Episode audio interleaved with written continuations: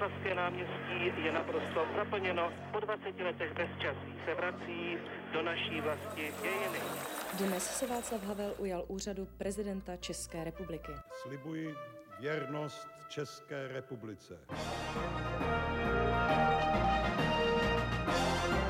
ODS a ČSSD podepsali tzv. smlouvu o vytvoření stabilního politického prostředí v republice.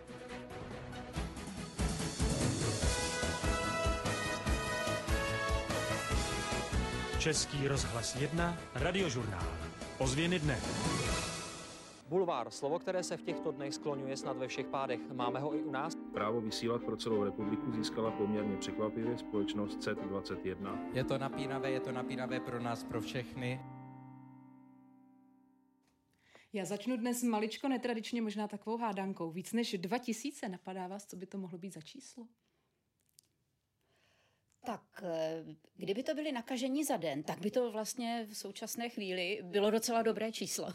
Ne, tak nejsou to nakažení za den. Je to číslo, které se vztahuje vysloveně k vám a je to počet večerních událostí, které jste od roku 1998 moderovala. My jsme si dali tu práci a s kolegy je. z archivu jsme dali dohromady alespoň přibližnou alespoň přibližné číslo, protože tak. možná v tom archivu není úplně všechno, ale co na to říkáte? To, kdybyste se mě zeptala, tak bych v životě, v životě si netypla, že jich bylo tolik, i když je pravda, kdyby člověk násobil, tak by asi k něčemu podobnému dospěl, protože je to opravdu hodně dlouho, co už, co už události dělám. A já jsem tentokrát zcela záměrně neřekla jméno našeho dnešního hosta podcastu Background ČT24 generace hned na začátku, takže ti, kteří poslouchají, tak možná už poznali pohlasek, ti, kteří se koukají ve videoverzi, tak poznali. Určitě dnešním hostem je dlouholetá moderátorka hlavní zpravodajské relace České televize Události Marcela Augustová. Vítejte. Dobrý den a děkuji za pozvání. Já ještě doplním, že Marcela Augustová Události moderuje přes 20 let, diváci ji ale znají i z volebního vysílání ČT24, dříve jako regionální redaktorku v Liberci, ale také moderátorku pořadu, jako je třeba Pomoste dětem. Já jsem Veronika Malá a přeji příjemný poslech. Tři generace, tři klíčové etapy české novinařiny s těmi, kteří jsou a byli u toho. Speciální podcastová série pořadu Newsroom ČT24. Generace. Jste ještě nervózní, když jdete do studia po těch dvou tisících vysíláních? No, neřekla bych nervózní, ale pořád eh, si zachovávám to, že, že člověk cítí a myslím si, že by měl cítit takové trošku lechtání v břiše. Eh, a to je, beru to jako známku toho, že, že ještě pořád mi to nezevšednilo, to moderování.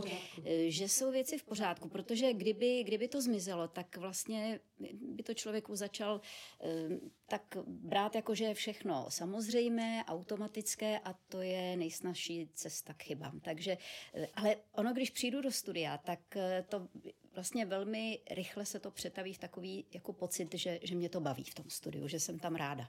Máte třeba nějaký rituál těsně předtím, než jdete do studia? Trochu. Ať už soustředění, nebo si projíždíte ten bodák? Asi bych tomu neříkala rituál. Snažím se trochu si rozhýbat pusu ale to je naprosto běžná záležitost, to myslím, že dělá skoro každý.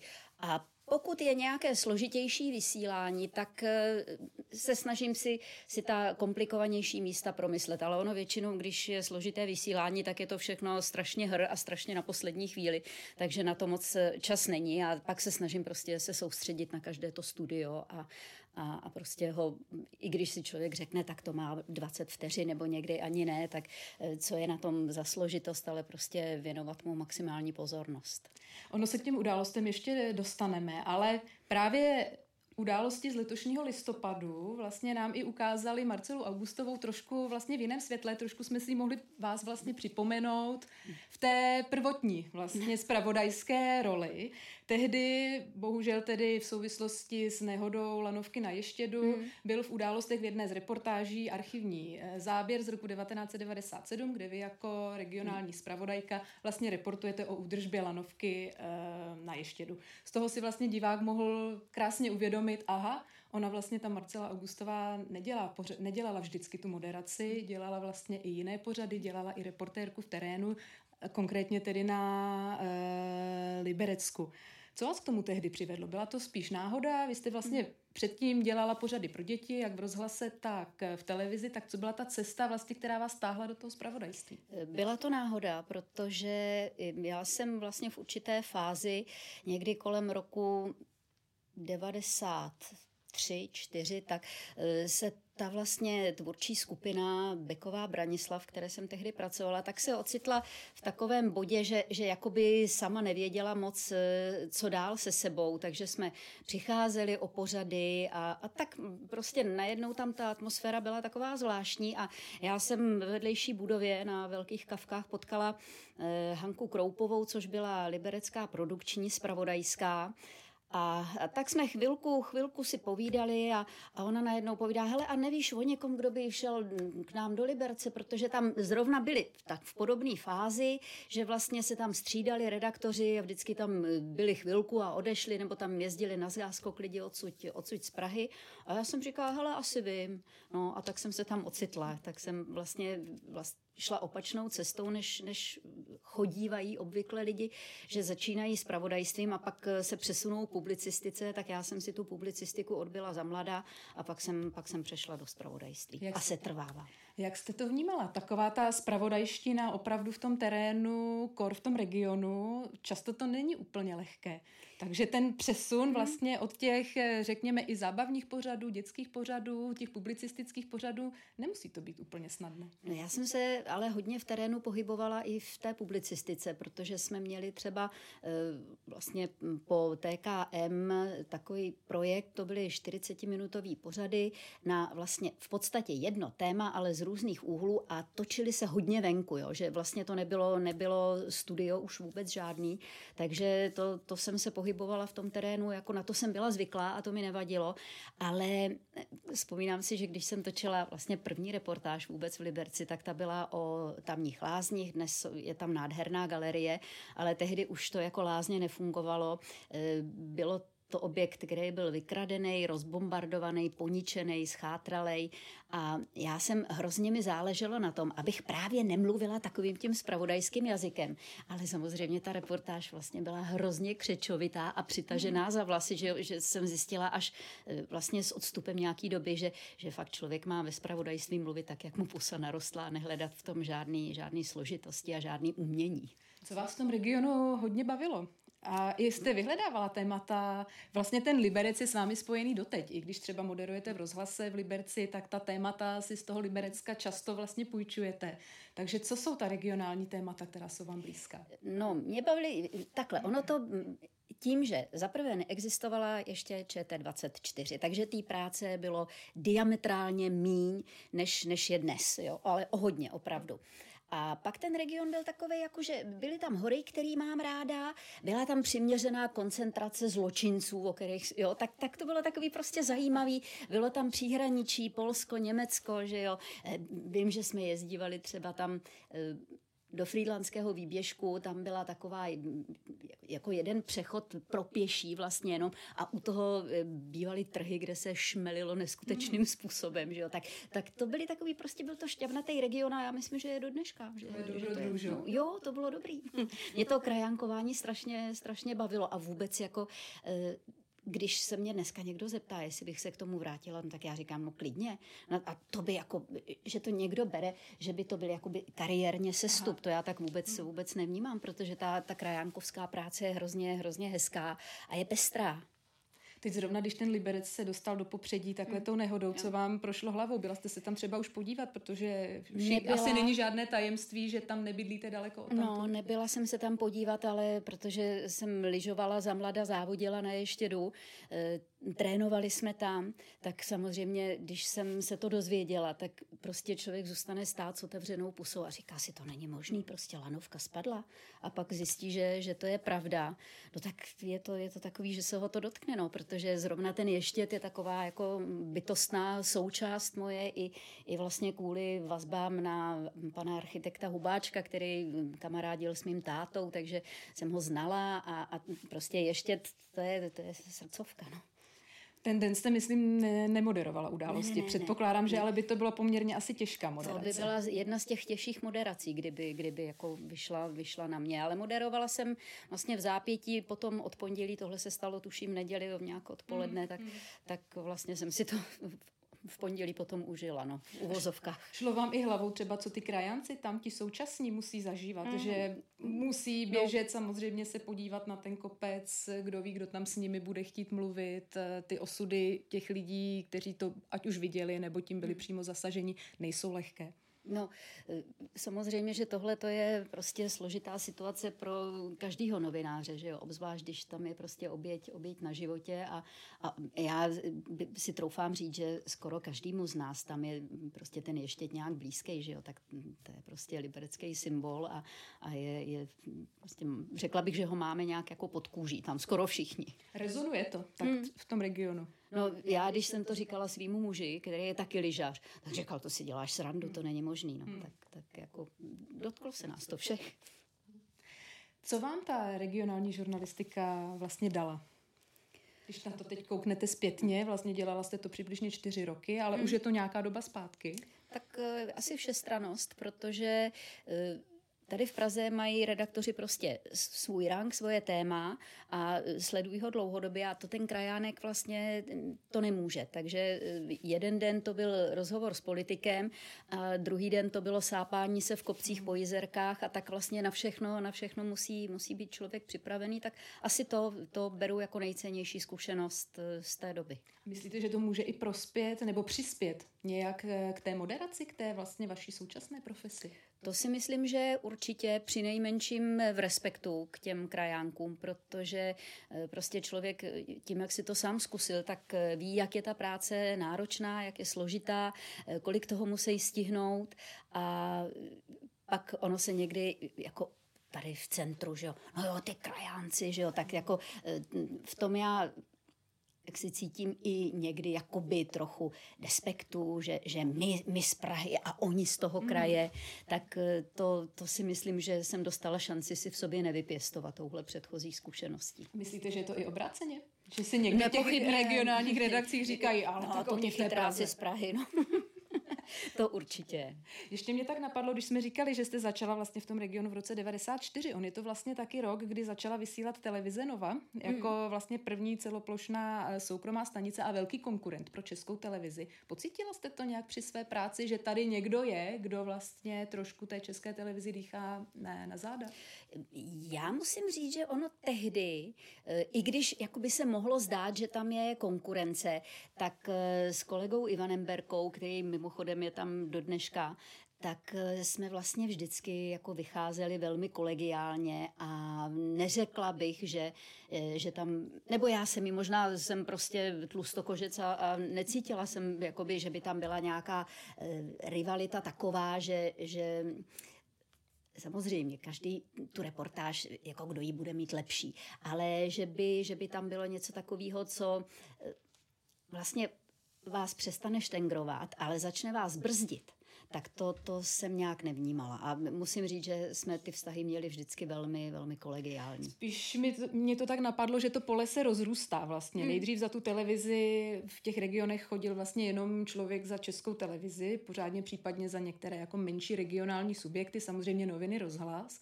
Postupně přibyla Nova, postupně přibyla i Prima a vlastně ten půl těch novinářů i pro ta regionální témata se vlastně pořád rozrůstá, ta konkurence, která vás jakoby může předběhnout, to téma vám takzvaně vykrást se hmm. vlastně neustále zvětšuje. No zvětšuje, no, tak, ale to je přirozenost.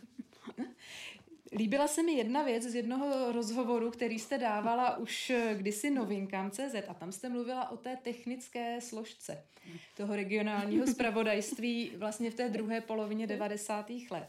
A přiznám se vám, i přesto, že vlastně ten cíl tohoto podcastu je i mapovat vlastně ty proměny žurnalistiky a ta technická složka je jednou z nich tak pojďme si o tom maličko říct eh, víc. Jak to tehdy vlastně probíhalo, abyste tu reportáž, kterou eh, v tom Liberci natočíte, abyste ji dostala do Prahy a abyste ji hlavně dostala do Prahy včas?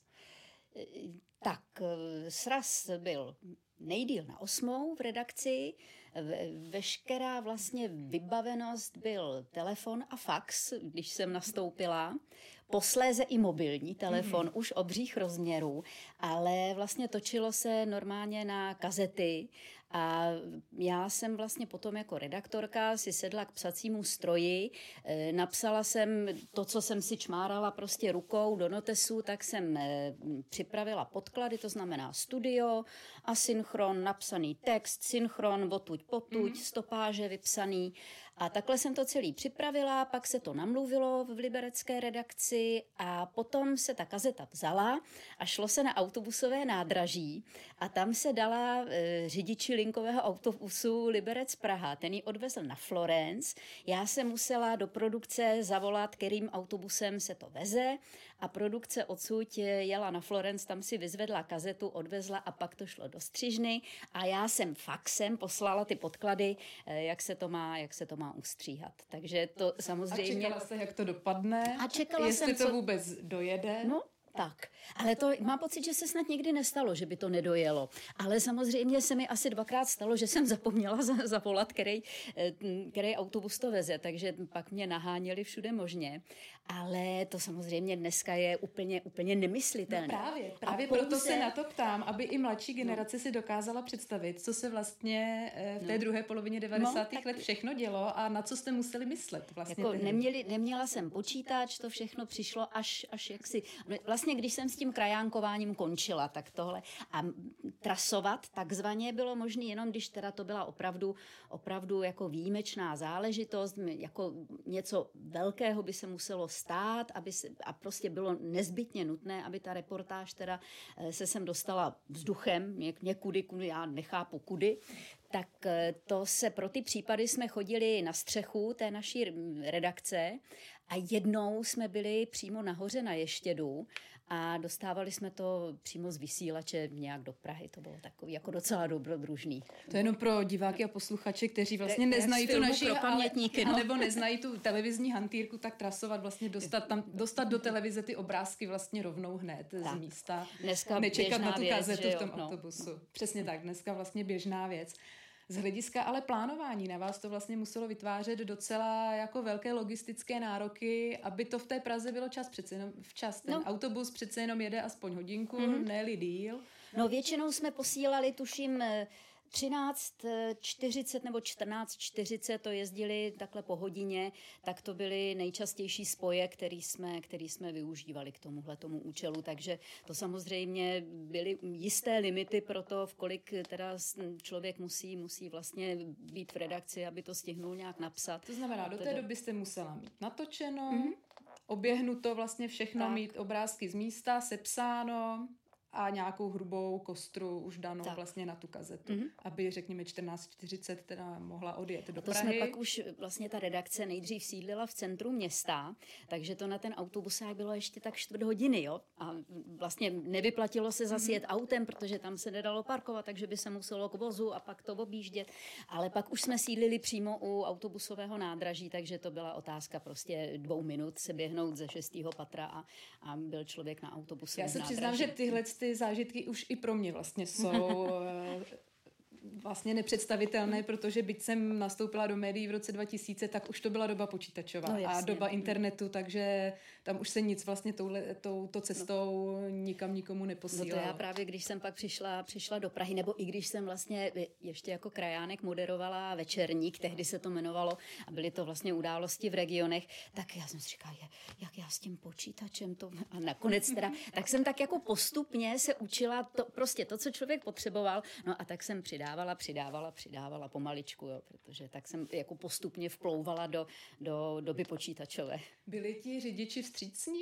Když jo, už takhle museli tak to bylo, to bylo na základě nějaké smlouvy, takže byli, byli vstřícní a, a jako to se nestávalo, že by nějak jako byli neochotní nebo tak. To, Věděli, co vezou a že to musí no, dovést. A že, že by bylo fajn jako se s tím na tu Florence dostat.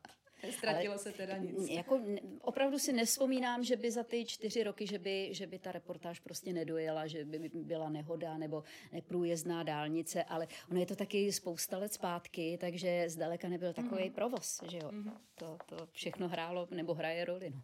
Teď mě napadá takový střih, teď jsme byli mm. vlastně na konci těch 90. let, eh, autobusy a reportáže na kazetách a teď máme rok 2020, mm-hmm. také Liberecký kraj a vy moderujete na ČT24, případně i v událostech komentářích, ale z domova, protože mm-hmm. vlastně byly lockdowny a byly karantény a mám pocit, že jste byla jedna z prvních moderátorek, která tuto disciplínu na té ČT24 no. Zkusila. Jak jste se s tím zžila? Eh, no já jsem na to byla strašně zvědavá. To bylo vlastně loni v říjnu, kdy byl muž nemocný, takže já s ním byla v karanténě a tak nejdřív vlastně eh, přijel kolega, instaloval tam kamerku, světlo, já jsem si napsala manuálek, co mám pustit, co mám zmáčknout, vyzkoušeli jsme to, jako prošlo to krásně do Prahy, dobrý, tak pak se myslím dvakrát vysí nebo třikrát vysílala Epicentrum tímhle stylem, což ale byla taková pohodová relace, 15 mm. minut, že a tak to, to vlastně bylo v pohodě, ale tak jako jasně, že člověk je rád, když si to může tak jako vyzkoušet a řekne si, no dobře, tak kdyby se tohle pokazilo, tak se svět asi nezboří. No a potom mi Martin Řezníček jako oznámil, eh, že bychom takhle zkusili odvysílat události komentáře. Tak to jsem řekla, no tak to bude možná trochu divočinka, ale vlastně, vlastně nebyla. No. Jediný, co jsem eh, jako říkala, že vlastně nechci dělat, eh, tak to byl vlastně varianta, že já bych byla doma na záskalí a byl to tlumočený rozhovor v angličtině mm, s někdo z Británie, já už vám si nevzpomenu, mm-hmm. kdo to byl mm-hmm. přesně za host, co to bylo za hosta. Jo, Hercule Poirot, mm-hmm. který vydal, mm-hmm. vydal knihu. A tak to jsem říkala a ještě jakoby v Praze překladatel, že to mně přijde, že to už je hodně složitý, technicky. složitý řetězec, eh, jako technicky. A tak to dělala kolegyně Jana Peroutková ze studia odsud a bylo to správný rozhodnutí, mm-hmm. protože já vlastně jsem ho vůbec neslyšela. Já, jo. Takže to, to by prostě, a teď vlastně si řeknete poslední rozhovor v té relaci a byla by škoda a hezký rozhovor, hezký téma, eh, škoda to pokazit prostě. A přesně ta technika do toho může no. vstoupit úplně kdykoliv. No. Jak známo, na zkoušce vždycky všechno funguje, no. ale potom no. na ostro se kolikrát eh, Ale jinak za mě to byla eh, jako dobrá zkušenost já sama byla Obsluhovala překvapená. Jsi si to sama? Obsluhovala jsem si to sama. Eh, byla jsem překvapená, že jsem to zvládla. A tak vlastně, že jo, když tak kolikrát žertujeme s kolegama, že stejně jednou eh, nebude žádná maskérna, jenom si natáhnu umělou Marcelu na sebe.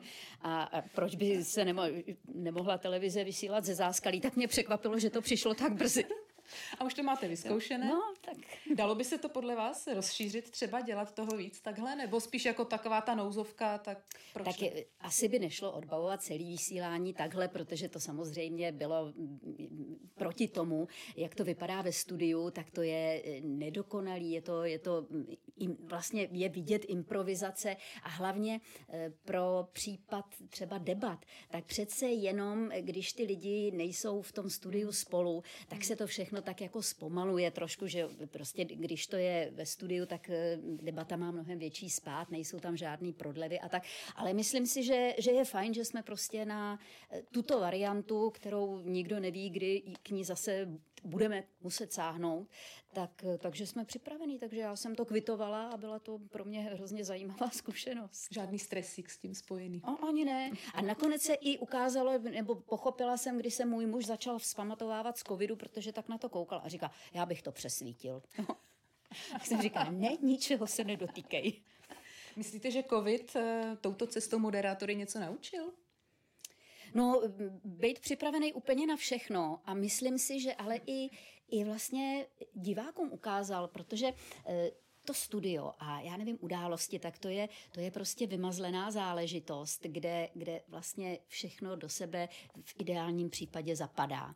Ale že moderátoři jsou nalíčený, dokonale oblečený a tak dále a tak dále. Ale najednou myslím, že divák viděl, že dokáže konzumovat nějaké informace i od eh, Marcely, která vlastně má na sobě nějaký sáčko, který nosí, nosí v civilu a nalíčí se prostě vlastníma silama a že to nemusí být vůbec na škodu té věci a že vlastně v tomhle ohledu to bylo mnohem přirozenější všechno.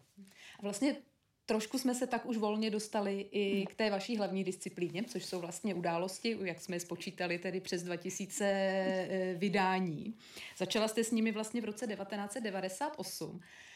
A zeptám se vlastně na stejnou věc jako u toho regionálního zpravodajství. Byla to tehdy náhoda? Jo. Nebo jste směřovala? ne, ne. Já totiž já, já jsem nikdy to neměla postavený tak, že bych si vytkla nějakou metu dosáhla jí a pak si řekla, tak splněno, vytknu další. Já prostě těm věcem nechávám volný průběh, vždycky jsem to tak dělala a už tak dožiju.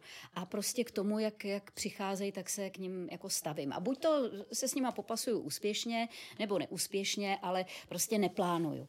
A to si pamatuju, že jsem jela na tenis v Liberci. A volal mi Zdenek Šáma, tehdejší i současný ředitel zpravodajství a říká, nechtěla bys moderovat události? A já jsem tak jako říkala, oh, to je taková zvláštní otázka takhle před tím tenisem.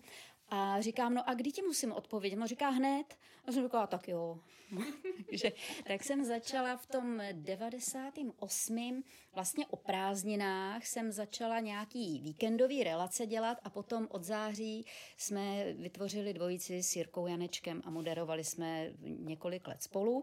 A pak, když se Jirka odebral taky z moderátorských postů na manažerský posty, tak jsem moderovala s Romanem Pistoriusem. A tím se vlastně i dostáváme... A to byly ještě sedací události. Přesně tak, tím se vlastně dostáváme k té podobě těch událostí, protože ta poměrně razantně změnila podobu, přesně tak, byli jste v sedě, byli jste i vlastně stabilní moderátorská dvojice, mm-hmm. nestřídali jste se tak jakoby různě, jako je to teď, teď stojíte, hýbete se, chodíte, jste často i v exteriérech a i vlastně personálně je ta dvojice nakombinovaná každý den mm-hmm. vlastně jinak.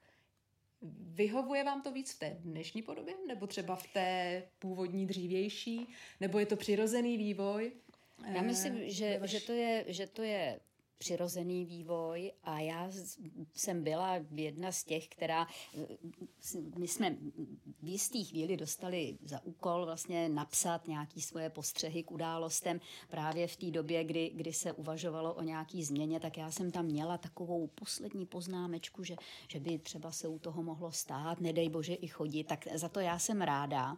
E, samozřejmě druhá věc je e, zacházet s tím tak, aby se z toho nestalo, nestalo kliše a nestalo stal se z toho nějaký zvyk, prostě mašíruju a, a nepřemýšlím a ne, jako, že to jde o všechny ty, co má člověk za sebou, co má vedle sebe, jaký jsou ty, ty obrazy vedle nás a tak, že jo, tak to všechno musí nějak korespondovat, ale jinak za mě je to, je to vlastně uvolněnější, protože Možná je to i tím, že, že to sezení už bylo takový jako dlouho a, a bylo, připadalo mi hrozně strnulý, tak jsem si říkala, že by nějaká třeba posun tímhle směrem mohl moh přijít a za ten, za ten jsem jako ráda. No. A ten se vlastně i povedl, vlastně no, vyšli vám v tomto, no. v tomto já, Tak možná já jsem neviděla, co psali ostatní kolegové moderátoři. Že to jako, tam bylo třeba dominantní. Že, že to možná, možná vzešlo jako z více, z více stran. To, to, to je vlastně... Jako, nepasuju se na autorku toho, toho návrhu. Sezení versus chození vlastně, ale teďka ještě to studio. Byli jste v reálném studiu, mm-hmm. kde vlastně jste měli ten stůl, i jste vlastně měli reálně za sebou ten newsroom. Mm-hmm Teď jste ve virtuálním studiu, kde všechno je naklíčované a vlastně vy tam nevidíte nic. Tak jak se s tímto pracuje? Já Jak jsem, dobře se s tím Já jsem měla trochu výhodu, protože já jsem na ten virtuál byla zvyklá už z voleb, jo, protože vlastně nevybavím si rok, kdy jsme na něj přešli. Já si ani nepamatuju, kdy jsem dělala první volby, ale už je to taky hodně dlouho. Nevím, jestli 2000 nebo 2002, ale vlastně já nevím, za nějaký čtyři roky, tak po těch prvních volbách si myslím, že už ten virtuál byl, jo. Nejsem si jistá, jestli 2.4 nebo 2.6, tak nějak to bylo. A když jsem tam přišla poprvé, tak samozřejmě jsme to hrozně dlouho zkoušeli. A teď jako já jsem tam procházela mezi sloupcem a různě a tak jako a tak jsme si s tím prostě hráli, že jo ale tak tu, vlastně už jsem věděla ten princip, že se člověk pohybuje po nějakých bodech, který jsou pevně daný a moc se s nima nedá hejbat a musí je prostě respektovat a dodržovat, ale, ale to, že, že vlastně nemám nic kolem sebe a přesto divák něco vidí, tak na to, na to já už jsem byla zvyklá, takže možná, možná v tom jsem to měla o maličko lehčí. Ale je to přesně to vlastně, o čem jste eh, mluvila, že to je nějaký set parametrů, které pěkně zapadají do sebe vlastně na venek a vy ho musíte vlastně respektovat i při tom pohybu, protože když byste se posunula v tom studiu třeba o krok nebo o dva dál, tak už budete třeba v tom obrazu, no, který je vlastně za vámi, mm. nebo tam jsou dvě fotky a vy jste hezky vycentrovaná vlastně, vlastně doprostřed mezi ně a už byste vlastně byla obrazově úplně špatně. Tak oni si nás taky kameramani rovnají a je to, to,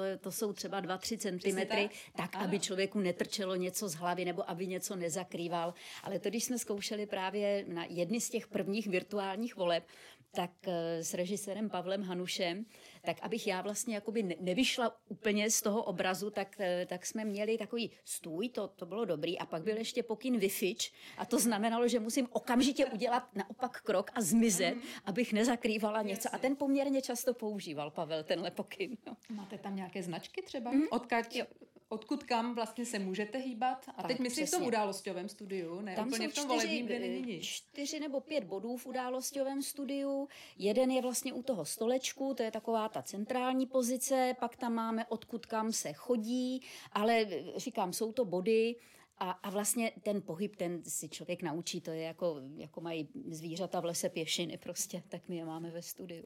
Když se ještě vrátím k těm dvojicím, jak se vám moderovalo s Jiřím Janečkem i Romanem Pistoriusem? Právě, jak už jste říkala, výrazné osobnosti televizní, Jiří Janeček posléze generálním hmm. ředitelem, Roman Pistorius dodnes, když o něm slyším tady na spravodajství mluvit, tak je tam cítit respekt hmm. od, od kolegů i po tak dlouhé době a vlastně i v době, kdy už v české televizi nepracuje, dřív vedoucím vydání událostí. Jak ta dvojice spolu, jaká tam musí být chemie, aby to fungovalo? Já myslím, že hlavně by ty lidi měli mluvit, nebo měli by si vyjasnit, jestli se sjednotějí na e, společným přístupu k té moderaci, protože e, kdyby jeden prostě kdyby se ty lidi rozcházeli, tak to nemůže fungovat. A já jsem prostě s Jirkou jsme se znali dlouho, už, už vlastně předtím, než jsme začali společně moderovat. A tak tam to bylo úplně bez problémů, to, to jako byla pohoda. A Roman Pistorius, protože on, když přišel do české televize, tak chodil v obleku, v kravatě a já jsem si říkal, no tak je, jestli nebude takový moc jako škrobený. A on takový vůbec hmm. není, s ním byla veliká legrace. Ale tohle, to nejdřív já jsem musela prostě za tu kravatu nějak proniknout a za, za to sako, což se ale povedlo. A, a vlastně to bylo, ta spolupráce s ním byla, byla bezva, protože my jsme se eh, nasmáli, ale zároveň jako člověk věděl, že i na jednoho, i na druhého parťáka, že se může absolutně spolehnout, že ve chvíli, kdy bude v úzkých, takže ten druhý ho podrží, jo, což samozřejmě je, je výhoda a je to, je to takový, jak jste se ptala na tu trému, že jo, tak eh, i součást toho, toho lechtání v břiše je to, že, že vím, že v tom studiu jsem s člověkem, na kterého se můžu spolehnout a že editor a režisér jsou lidi, na který se můžu spolehnout, protože jako nakonec ten moderátor, to je, to je jedno kolečko, který je vidět, ale když nefunguje u všechny ty kolečka toho stroje kolem, tak je to bezmocná figurka ve studiu. Jak dlouho vám to tak trvalo, než jste se sladili?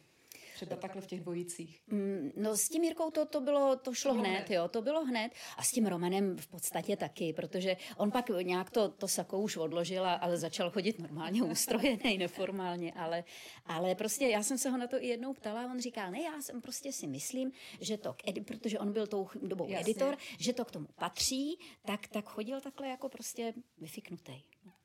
A v dnešní době, kdy se to střídá, vlastně na každé události máte za toho parťáka někoho hmm. jiného, tak jak tam se zžíváte, aby to vlastně komunikovalo, aby vám to hezky odsejpalo? Ono je to tak, že my vlastně ty společné moderace, které máme, tak ono jich není, není moc. A já třeba s Jakubem Železným e, vím, že když něco napíšu, třeba i upravím tu jeho část, eh, tak, aby, eh, aby se nám třeba neopakovaly slova, tak mu jenom řeknu, hele, udělala jsem to, seš takhle s tím v pohodě. On zas, když třeba vidí některý, některý jako studio, ke kterému on má co říct, tak, tak říká, já jsem ti tam udělal malou mm. úpravu, což je fajn, to je super. A vlastně takže tam bych řekla, že, že to máme tak jako asi nejlíp usazený a je, je taky fakt, že my spolu moderujeme, že na sebe vycházíme mm. nejčastěji. Takže je to možná daný i tím. Už jste zvyklí. Už jsme zvyklí. Eh, když třeba moderuju s Martinem Řezničkem, s kterým vlastně to musí nastat nějaká, nějaký prohoz služby, protože na sebe normálně nevycházíme, eh, tak, tak mu prostě zavolám a domluvíme se po telefonu, nebo protože teď je doba, kdy už nesedíme společně Samozřejmě. na velině, jinak eh, si tohle člověk vykomunikoval napřímo a řekli jsme si to s editorem a, a to je věc, po který se mi trošku stejská, že vlastně ten velín přestal fungovat v tom smyslu, že by tam seděla parta lidí, kteří chystají události a všechno si vyříkali napřímo, tak dneska je to hodně přes mail a, a po telefonu, ale tak já doufám, že se Doufíme, tam, zas, že se to vrátí, že se tam vrátíme doba. a že budeme sedět tak, jak jsme seděli, protože ona je jako kromě jiného je tam kolikrát i legrace, jo, což, což je pro mě takový jako důležitý, aby i tenhle aspekt ta, ta práce měla. Nehledě na to, že to, co divák vlastně nevidí, tak ten tým těch lidí je opravdu velký. Přesně jak jste říkala, vlastně moderátor ten je ten, který je vidět na té obrazovce, ale těch lidí, kteří se podílejí na tom vzniku vlastně té relace je opravdu hodně moc. Tak právě by mě zajímalo, jak vy tu roli toho moderátora v tom celém týmu vlastně eh, vnímáte. Je to spoluautor, je to Hmm. někdo, kdo by si mohl taky, měl také říct, eh, ne, tohle ne, radši pojďme se věnovat něčemu jinému, nebo já tam cítím, že ten, ten důraz by se měl klást na něco jiného, nebo je to spíš ten, komu to ten editor jakoby připraví a on je vlastně ten, který to prezentuje ven? Já si myslím, že, že vlastně, nebo aspoň nikdy jsem necítila, že No, by mě byla, byla upírána nějaká, nějaká jako právo debaty, nebo a když mám nějakou pochybnost, no tak není nic jednoduššího, než ji sdělit a, a bavit se o ní a prostě si to vyříkat. To, to považuji Jak za... často máte takovou pochybnost? E, Nemývám je často, ale spíš třeba je, že, že Některý to studio není třeba úplně srozumitelně formulovaný, ale tak tím neobtěžuju editora, to si zavolám prostě s tím autorem, jak to myslel a jestli jsem to správně pochopila, anebo napíšu a zavolám, hele, přepsala jsem to, mrkni na to, je to takhle správně, sedí to. To je, to je prostě běžná komunikace a bez toho, aby lidi spolu mluvili, tak nemůžou dělat žádnou práci. Vy jste někdy neuvažovala třeba o tom, že byste chtěla být taky vedoucím vydání, jako by být tím v uvozovkách mozkem celé té No, relace? Musím říct, že, že vlastně ani úplně ne, protože eh, jednak mě to moderování baví a pak to má ještě jeden ryze, ryze praktický, eh, praktický úhel pohledu. To bych tady prostě musela být v 9 ráno na poradu a to je prostě příjezd do Prahy peklo. I po D10. Takže, takže už z tohohle toho hlediska takhle já jezdím prostě na poledne a, a to je taková dobrá doba, že vlastně člověk, eh, pokud se neděje něco špička mimo, opadne. špička je pryč, ale jezdit, a teď prostě je to čím dál horší, jo, jezdit ve špičce do Prahy, to bych, to bych jako nevydržela, jo, to bych, myslím, už dávno pracovala Takže z hlediska dojíždění No. vlastně, i kdybyste chtěla, tak to nejde. No, je to, je to velmi, velmi složitý samozřejmě. Ale už když jsme u toho ježdění, tak eh, tím mi trošku nahráváte na tu moderaci v těch exteriérech, Mm. protože ta se vlastně v událostech objevuje čím dál tím častěji. Já si třeba pamatuju jedny z těch událostí, kdy jste moderovala s Karviné eh, po výbuchu Mhm. vlastně No. v dole ČSM. To je kus cesty a když si to vezmeme s tou přípravou na události, s tím přesunem, tak jak toto potom chodí, kdy se vlastně připravujete na ty události? Ve vlaku, po cestě? Mm. Tohle byla mm, taková právě předvánoční prosincová záležitost. To bylo těsně, těsně před Vánoci se to stalo.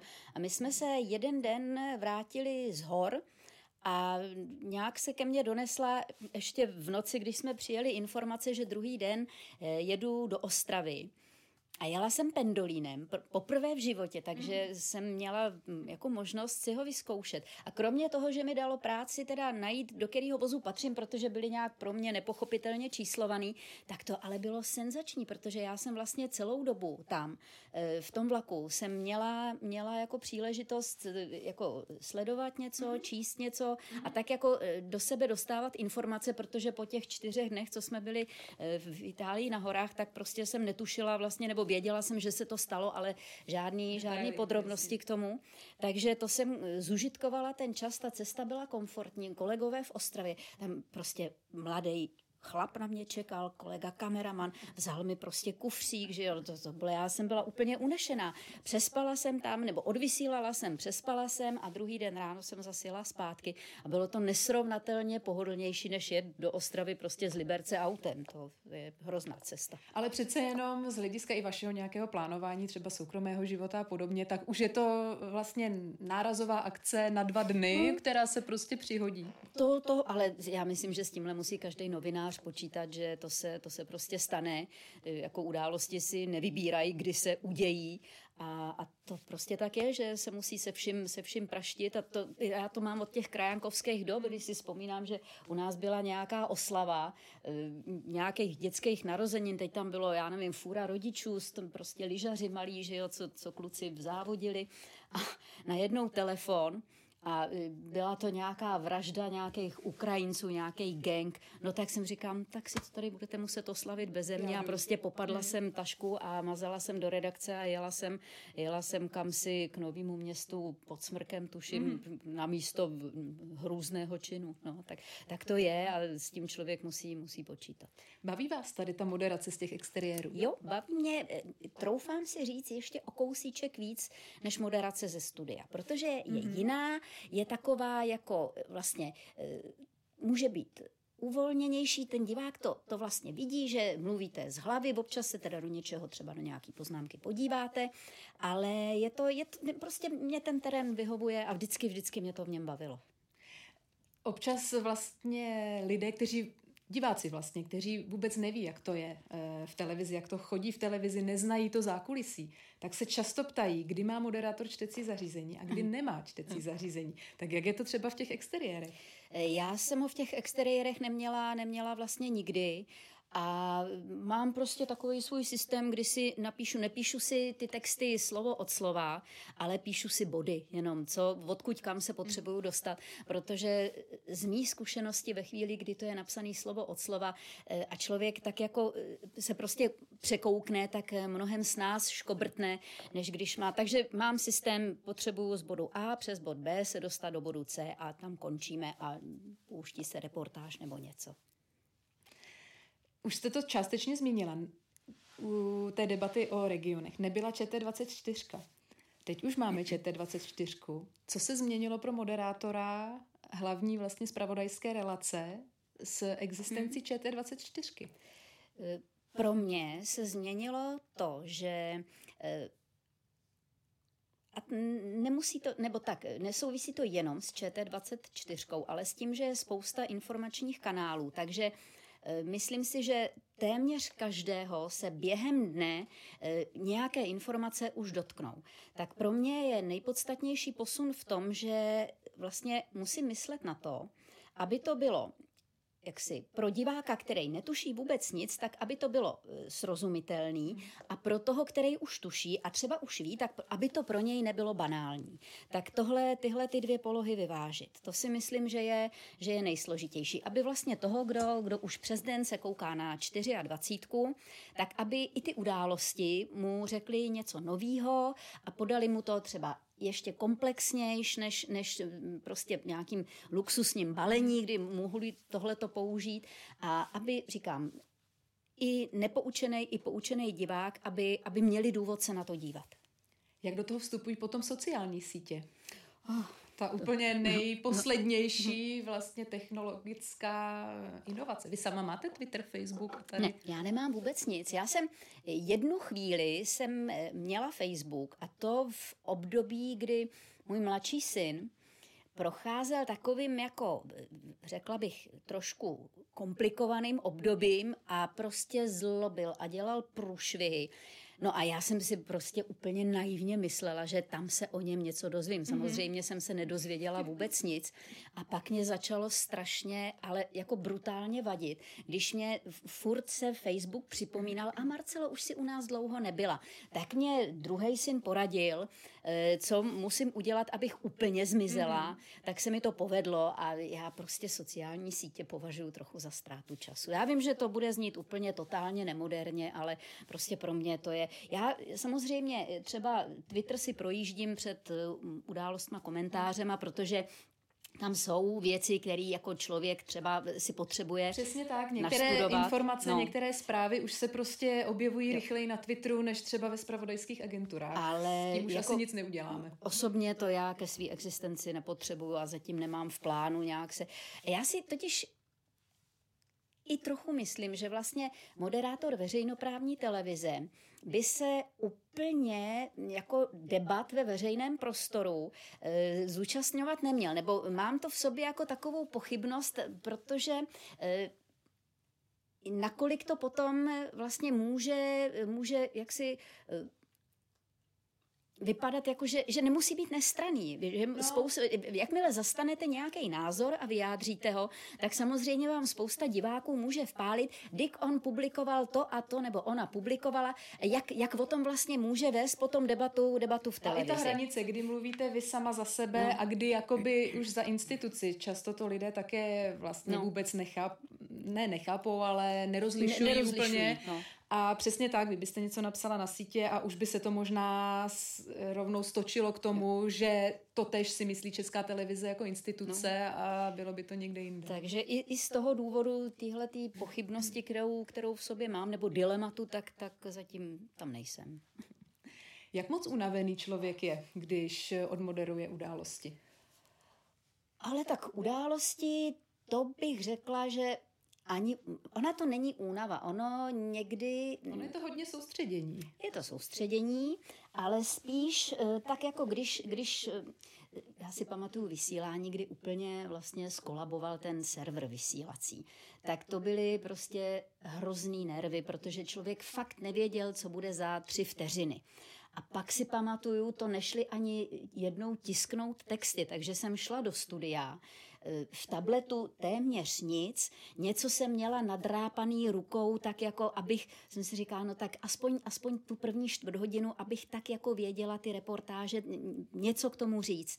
Samozřejmě, že to diváci viděli, že to je těžká improvizace, mm. teď něco mi tam takhle podávali, prostě teď já to nemohla ani přečíst, jo. No boj, opravdu velký boj tak na konci jsem jako řekla, že děkuji za pozornost a že děkuji za pochopení. A pak mi kamarádka říká, a proč jsi to říkala o tom pochopení? A, a ona si ničeho nevšimla. A já jsem říkala, no počkej, to snad si děláš legraci, když jsi viděla zápas o holej život moderátorský.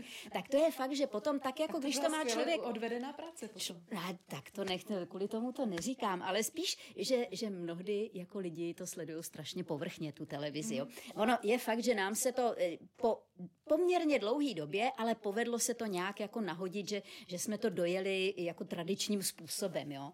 Ale, ale říkám, to trvalo třeba půl hodiny, jako ten, ten, ten zápas, takže jako pod, kdyby to bylo pět minut, tak asi bych o tom nemluvila, že jo, to prostě stát se může všechno, technika je technika, ale říkám, tak to pak z člověka spadlo.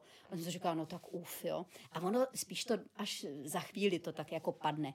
Ale docela náročný jsou cesty z práce po událostech mm-hmm. komentářích, protože to je e, jako a ještě vlastně, když jsme což už teď od nového roku nebude, že jsme měli souběžně události i události komentáře mm-hmm. v jeden den, tak připravit se na dvě Oboje. hodinové relace je, je hodně práce.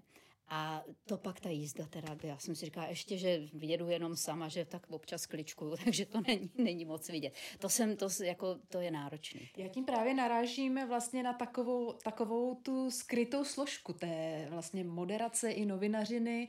Ono to na první pohled může vypadat, že novináři píšou texty do novin a že napsat vlastně nějaký textík i u, já nevím, komentátora, že když to není dlouhý textík, že to přece je snadná práce. Moderátor z obrazovky vždycky působí působí dobře naladěný, usměvavý. Vlastně to působí, že to je všechno strašně jakoby snadné, ale přitom novinařina jako taková se e, považuje za jedno z nejnáročnějších nebo psychicky nejnáročnějších hmm. povolání. Je to hektické, je to často velice rychlé, valí se na člověk i strašná spousta negativních informací, se kterými nějakým způsobem se musí vypořádat. Někdo má hroší kůži, nevadí mu to, slabší povahy si to třeba berou k srdci a opravdu to prožívají s těmi eh, lidmi v těch reportážích, ty osudy. Tak jak je to u vás? Eh, máte nějakou třeba psychohygienu, aby na vás nedolíhaly tady ty všechny věci? Já myslím, že moje psychohygiena je život na malom městě, protože tam já, já jsem jako hodně venku, dost se jako pohybuju, ale ne nějak jako protože bych si řekla, teď se Marcelo hodinky říkají, hýbej se, tak to ne, ale prostě to mám takhle, takhle nastavený a, a říkám, jo, to eh, vlastně to místo, kde, kde bydlím, a asi každý malo město, je od Prahy dramaticky odlišný.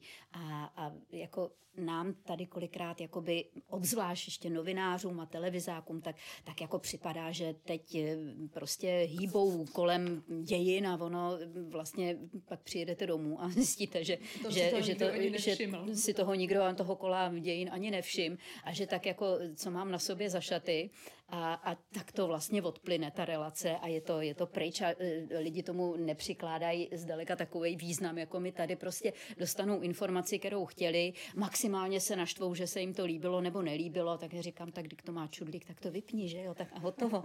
No, ale to, to si myslím, že tohle to tak jako člověka odreaguje úplně spolehlivě. Jak nevyhořet? Děláte to už hodně hmm. dlouhou dobu a řada novinářů se vlastně s tímto problémem i e, potýká nebo v minulosti potýkala. Já nevím, tak já, já se vyhořela necítím, ale možná, kdyby se na mě podíval psychiatr, tak řekne, že už jsem prostě v, v plném stavu vyhoření. To, to myslím, že já asi nemůžu úplně, úplně posoudit, ale řekla bych, že když jako se člověk do té práce furt těší, tak, tak to je známka, že, že asi jako je to v pořádku. Doufám se možná ještě vrátím k těm emocím. Sama jste říkala ten liberec, vlastně ten ještět, mm. že by se vám nemoderoval úplně dobře. No, že tam by to bylo opravdu mm. osobní, že tam by to bylo emoční. Já jsem eh, trošku hledala v archivu, co všechno jste vlastně moderovala. Našla jsem tam třeba vstup České republiky do Evropské unie. No ten se mi hodně nepoved. Pak jsem tam našla samozřejmě povodně, eh, teď tornádo vlastně mm. letos v létě. Eh, samozřejmě v těch dnech po úmrtí Václava Havla Havla hmm. vlastně před pohřbem. To nejsou jednoduché události, ale byla tam například i havárie u jeho českých nažidel, což je hmm. opravdu věc, která se no. i no. člověku, ať už je z jakéhokoliv oboru, vstřebává hodně špatně. No, Takže přece no, jenom no. ta emotivnost ta tam je prostě. No je, to, to já nespochybnuju, že jo, protože já na to nemám vůbec co říct na tohle. Ale na té obrazovce to umíte jakoby odstínit. Mm. Jasně, tak to je kus asi té profesionality, že člověk prostě nedává najevo svůj, svůj poměr, ale já si myslím, že zrovna u takové věci, jako třeba bylo to neštěstí u nažidel, tak tam e, musí se s tím jako se šafránem, ale tam mm. samozřejmě trocha něčeho, nějaký emoce ze strany toho moderátora jako asi i patří. Ale pak je to i o tom, abyste si to neodnesla domů. No, to Jenomže víte co, to je, to je divák ve stejné situaci, protože když prostě se stane takhle hrozná věc a, a tak jako jestli ji moderujete nebo jestli se na ní díváte v té televizi, to myslím je dost jedno. To je pravda. Vy jste vlastně mluvila o těch emocích eh, z hlediska moderátora, že ten by měl držet jakési vlastně dekorum v rámci hmm. i média veřejné služby. Co říkáte na některé ty typy moderace třeba v soukromých televizích, jak je to pojato? no já to moc nesleduju, protože my se teda eh, vlastně doma na televizi díváme velmi málo. Jo. Takže o spoustě, o spoustě asi ani nevím nějakých jaksi zajímavých moderací v tomto, v tomto smyslu, ale e, spíš možná, co občas člověk zaslechne v rádiu, v autě třeba, tak já prostě furt si myslím, že moderátor se musí připravit na to hmm. vysílání a že nelze to postavit na tom, že prostě já budu něco tlachat a ono to stačí. To prostě nestačí. A pak jsou to prostě keci, který nemají hlavu a patu, vlastně nemají žádný obsah a je to jenom prostě, je to nějaký časový prostor vyplněný náhodnými slovy. slovy jo. Vypínáte potom? Jo, vypínám. Nebo, Nebo respektive já, já už jsem to odblokovala a zapínám si prostě rádia, eh, kde se toto neděje. I když někdy trochu chrčej, ale dobře, tak jako nemusím za každou cenu úplně všechno. Pojďme ještě k těm volbám. Už jsme částečně nakousli, eh, že se vlastně jste se na nich naučila virtuální studio. Jaká byla ta geneze? Kdo s tím přišel? Nebo eh, jak ta myšlenka vlastně vznikla? Že se no. takto vlastně pojaté e, volební studio bude do to toho se, vysílání zařazovat? To je otázka, která asi není úplně na mě, protože já vlastně jsem do toho vstoupila jako do hotové, hotové věci, věci, že mm-hmm. je virtuální studio a já, že jsem ten člověk, který se v něm má naučit, naučit pohybovat. Tak nás teď možná malinko pojďte vzít do toho zákulisí, hmm. protože já když jsem se ptala lidí, kteří právě o televizi a zákulisí televize nevědí vůbec nic a zmínila jsem volby, tak vždycky všechny nejvíc zajímalo, jestli tam opravdu není vůbec nic v tom studiu. Jestli mm. tam máte nějaké značky, abyste věděla, kde ty grafy mm-hmm. vizuálně yeah. budou, abyste náhodou nestála tam, kde zrovna uh, vyjíždí ten graf, o kterém o kterém je řeč. Stejně tak to čtecí zařízení, jestli ta čísla říkáte z hlavy, mhm. anebo uh, jestli tam teda někde máte možnost mít uh, napsaná. Tak to pojďme tak nějak projet. Tak je to, je to vlastně taková zelená prostora, kajuta, řekněme, ale ta je i na události. Ale v událostech tam máme, tam je ten stoleček, tam je jeden pevný bod, ale na volby tam není vůbec nic a máme v tom studiu na zemi, já mám prostě značky, eh, kde se mám pohybovat. Teď třeba už několik let používáme vlastně model, kdy, kdy se nám tam dokáže vytvořit takový kříž mm-hmm. vlastně z těch grafů a ten se umí i povotočit. Mm-hmm. Jako. Takže to je třeba taková složitá pozice, kde musím opravdu stát jako na chlu přesně, že to hraje centimetr tam, centimetr sem, to je, to už je rozdíl. Takže to je potřeba mít, a to se naskouší tohleto, e, to většinou teda dělají i tak, jako že si to vyzkoušejí kameramani a režie beze mě. Já přijdu, už jsou hotové značky, pak si to tam obchodím, kudy kam, e, vlastně z který pozice se dívám do který kamery, no a potom tam mám monitory, podle kterých se já orientuju. Takže ono na to se v podstatě nelze, čtecí zařízení se nepoužívá mm. v tomhle, protože není potřeba, takže já jediný výdobytek, který mám, tak je taková ta, ta asi A3 tabule s mazacím fixem, na kterou já si napíšu seznam grafů, jak jdou za sebou, protože mm. některé ty relace jsou relativně dlouhé, že třeba, já nevím, i 20 minut, takže eh, abych věděla, který grafy, jak, jak jdou po sobě, eh, z který pozice, na kterou se přesunuju, tak mám takovejhle tahák, no a pak prostě dějí se vůle boží. No. A ty čísla? No ty čísla ty vidím na monitoru. Jo, ty vidíte ty na vidím monitoru. na monitoru, protože já netuším, co se tam objeví za no hodnoty, no že jo? No, no tak, přesně. Takže vlastně v podstatě děláme to tak, že pokud je jen trochu času, tak já si s klukama, kolegama, virtuálníma technikama si tu relaci tak jako projedu, to pořadí těch grafů. To je důležitý v komunálních volbách, kde jsou občas zapeklitý hmm. zkratky. Hmm. Tak když se tam něco takového vyskytne, tak aby na to člověk byl připravený. Ale jinak ty čísla to prostě, ty první tak něco vyjede a podle toho já se orientuju, takže to jsem napnutá jako každý u obrazovky, protože to nevím, co bude. A tak, takže ho vidíte poprvé v tu chvíli, kdy ho člověk, vlastně Člověk ho vidí, vidí poprvé, poprvé vlastně ve chvíli, kdy ho, nebo že jo, tak může se tam něco pozměnit malinko a tak jo. Jste třeba součástí tím, že to volební studio jede už od těch nultých let, jak jste vlastně hmm. říkala, součástí toho týmu, který vymýšlí tu grafickou úpravu ne. toho studia? Protože to ono nejsem. je to každý rok, každé volby je to maličko, to vypadá jinak. To nejsem, na to jsou kolegové grafici. Já vlastně tam do toho vstupuju až, až tý, já si tak jako schromažďuju různé informace, různý už během kampaně, aby člověk měl eh, takový ty špeky, že jo, aby mohl použít, tak to, ale na té grafické podobě to já se vůbec nepodílím. A je něco třeba, co vám vyhovovalo víc, co vám vyhovovalo míň? Občas mm. jsou tam ty grafy, který, které vyjížděly vlastně jakoby ze země, mm. někdy to bývá jako kdyby tabule, jako kdyby na zdi za mhm. vámi a zase ten graf vyjíždí jakoby do strany.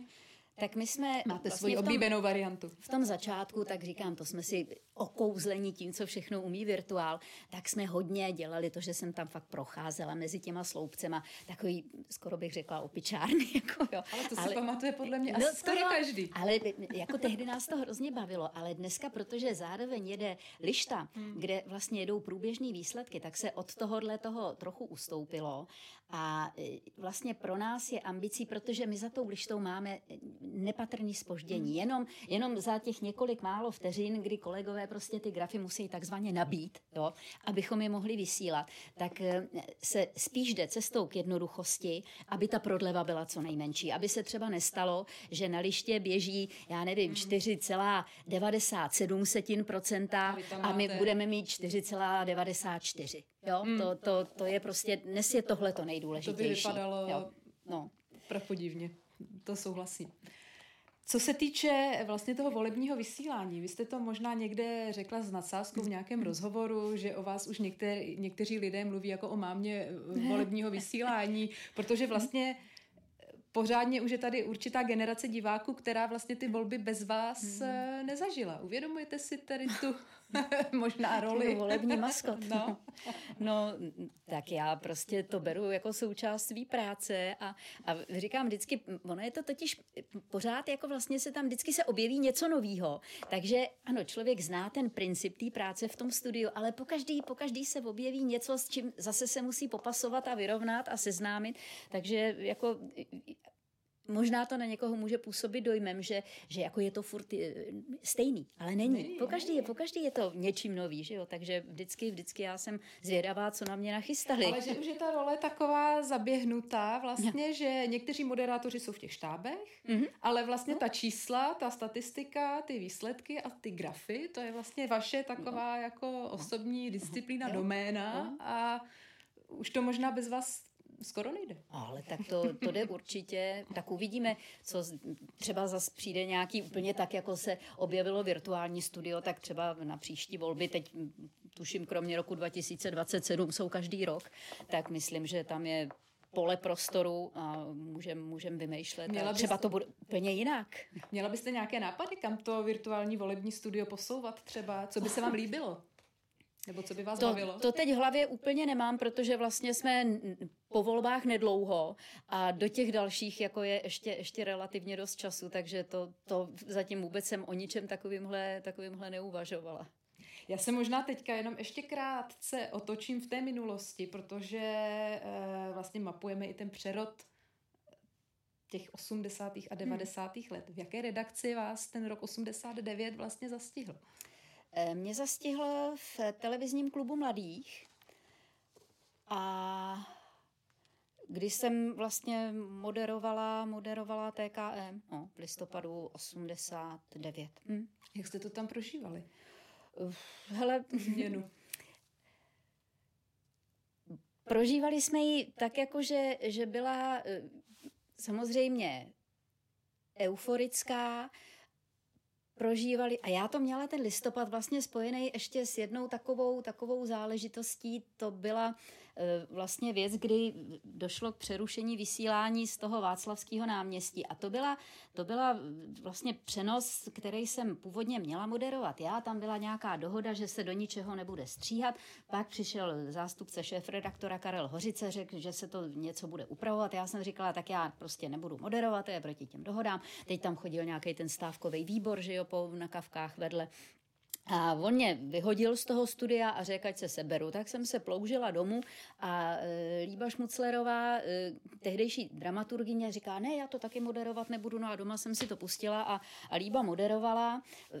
Já ji nechci hodnotit, prostě samozřejmě nám bylo mě 23, jí je, myslím, 24 nebo tak. E, takže vzdorovat prostě zástupci šéf redaktora určitě nebylo, nebylo úplně jednoduchý pro ní v tu chvíli, ale pak právě v tom, v tom vysílání televizního klubu mladých mě tam do živého vysílání zavolala paní, jak můžu moderovat tohle, když jsem před týdnem eh, řekla, a ona si nás popletla, protože to bylo tak, jako jsme my dvě krátkovlasí a brejlatý. Takže, ale s tou paní jsme si to potom, potom jako nějak vykorespondovali ještě a ona teda mi pak nakonec napsala omluvný dopis, že, že si dala tu práci a, a zjistila si to. Jo. Tak, protože v tu chvíli to samozřejmě znělo jako trapná výmluva. Mnoho našich hostů vlastně tady v podcastu řeklo, že ten začátek 90. let vnímali jako takový velký boom příležitostí. Hmm. Že se i profesní kariéra rozjížděla vlastně strašně rychle. Ve 20 letech se hmm. někteří stávali no. šéfy redakcí, no. ve 24 zástupci šéf-redaktora a podobně. Jak jste to eh, vnímala vy? No tak eh, já vlastně eh, tím, že nemám ambici být jako televizním manažerem, tak já jsem si říkala, já prostě, jo, já si tady chci dělat svoji, svoje krajánkování nebo moderovat si prostě TKM. A já jsem vlastně tou dobou taky to bylo daný tím, že mě se v 88. narodil jeden kluk a v 92. se mi narodil druhý kluk, tak jsem taky byla trochu máma hmm. tou dobou zrovna, jo. Takže a pak jsem se vrátila vlastně do té do moderátorské a redaktorské pozice a já říkám, já prostě jsem spokojený jako, jako jedno z těch koleček toho soukolí, ale, ale vůbec nemám nějaký šéfovský obrovský ambice, jako že bych chtěla být něčemu velet, někoho vést a nemám ambici někoho něco učit vůbec. Náhody tomu chtěli, no. tak třeba přijde ještě další náhoda. To, to, to se uvidí, tak co přede mě život postaví, tak k tomu se postavím já, no. Poslední otázka. Dovedla byste si představit práci pro jiné médium než českou televizi? Eh, no těžko, protože s výjimkou českého, eh, československého a českého rozhlasu, protože jsem nikdy nikde jinde nebyla a, a tak vlastně to ani člověk jako nezná. Pro mě to rádio je taková příjemná odbočka od, od televize, protože prostě je to, je to klidný, mám čas si to připravit, eh, můžu si tam zvát hosty, jaký si vyberu, což je fajn ale říkám, jako je to, je to jenom velmi občasná spolupráce teď, protože prostě toho času, který člověk tráví tady je relativně, relativně dost a, a zase bych nechtěla tak, aby vlastně to, že mám úkrok do rádia, tak aby jaksi se projevovalo na televizi. To bych jí jako nechtěla, nechtěla udělat. A jiná televize? No, nemám zkušenost a, a říkám, já, já prostě tady to vnímám tak, jako že, že je to místo, kde můžu tu práci dělat asi tak nejvíc podle, podle představ, jaký mám, takže nemám vlastně důvod hledat, hledat nějakou změnu. Možná je to chyba, ale možná by člověk změnu, změnu hledat měl, ale já nějak tu potřebu, potřebu necítím. Nebo přijde zase nějaká náhoda? Třeba, třeba přijde nějaká náhoda, no. To říká moderátorka televizních událostí Marcela Augustová. Já vám moc děkuji za to, že jste přišla. Děkuji za rozhovor.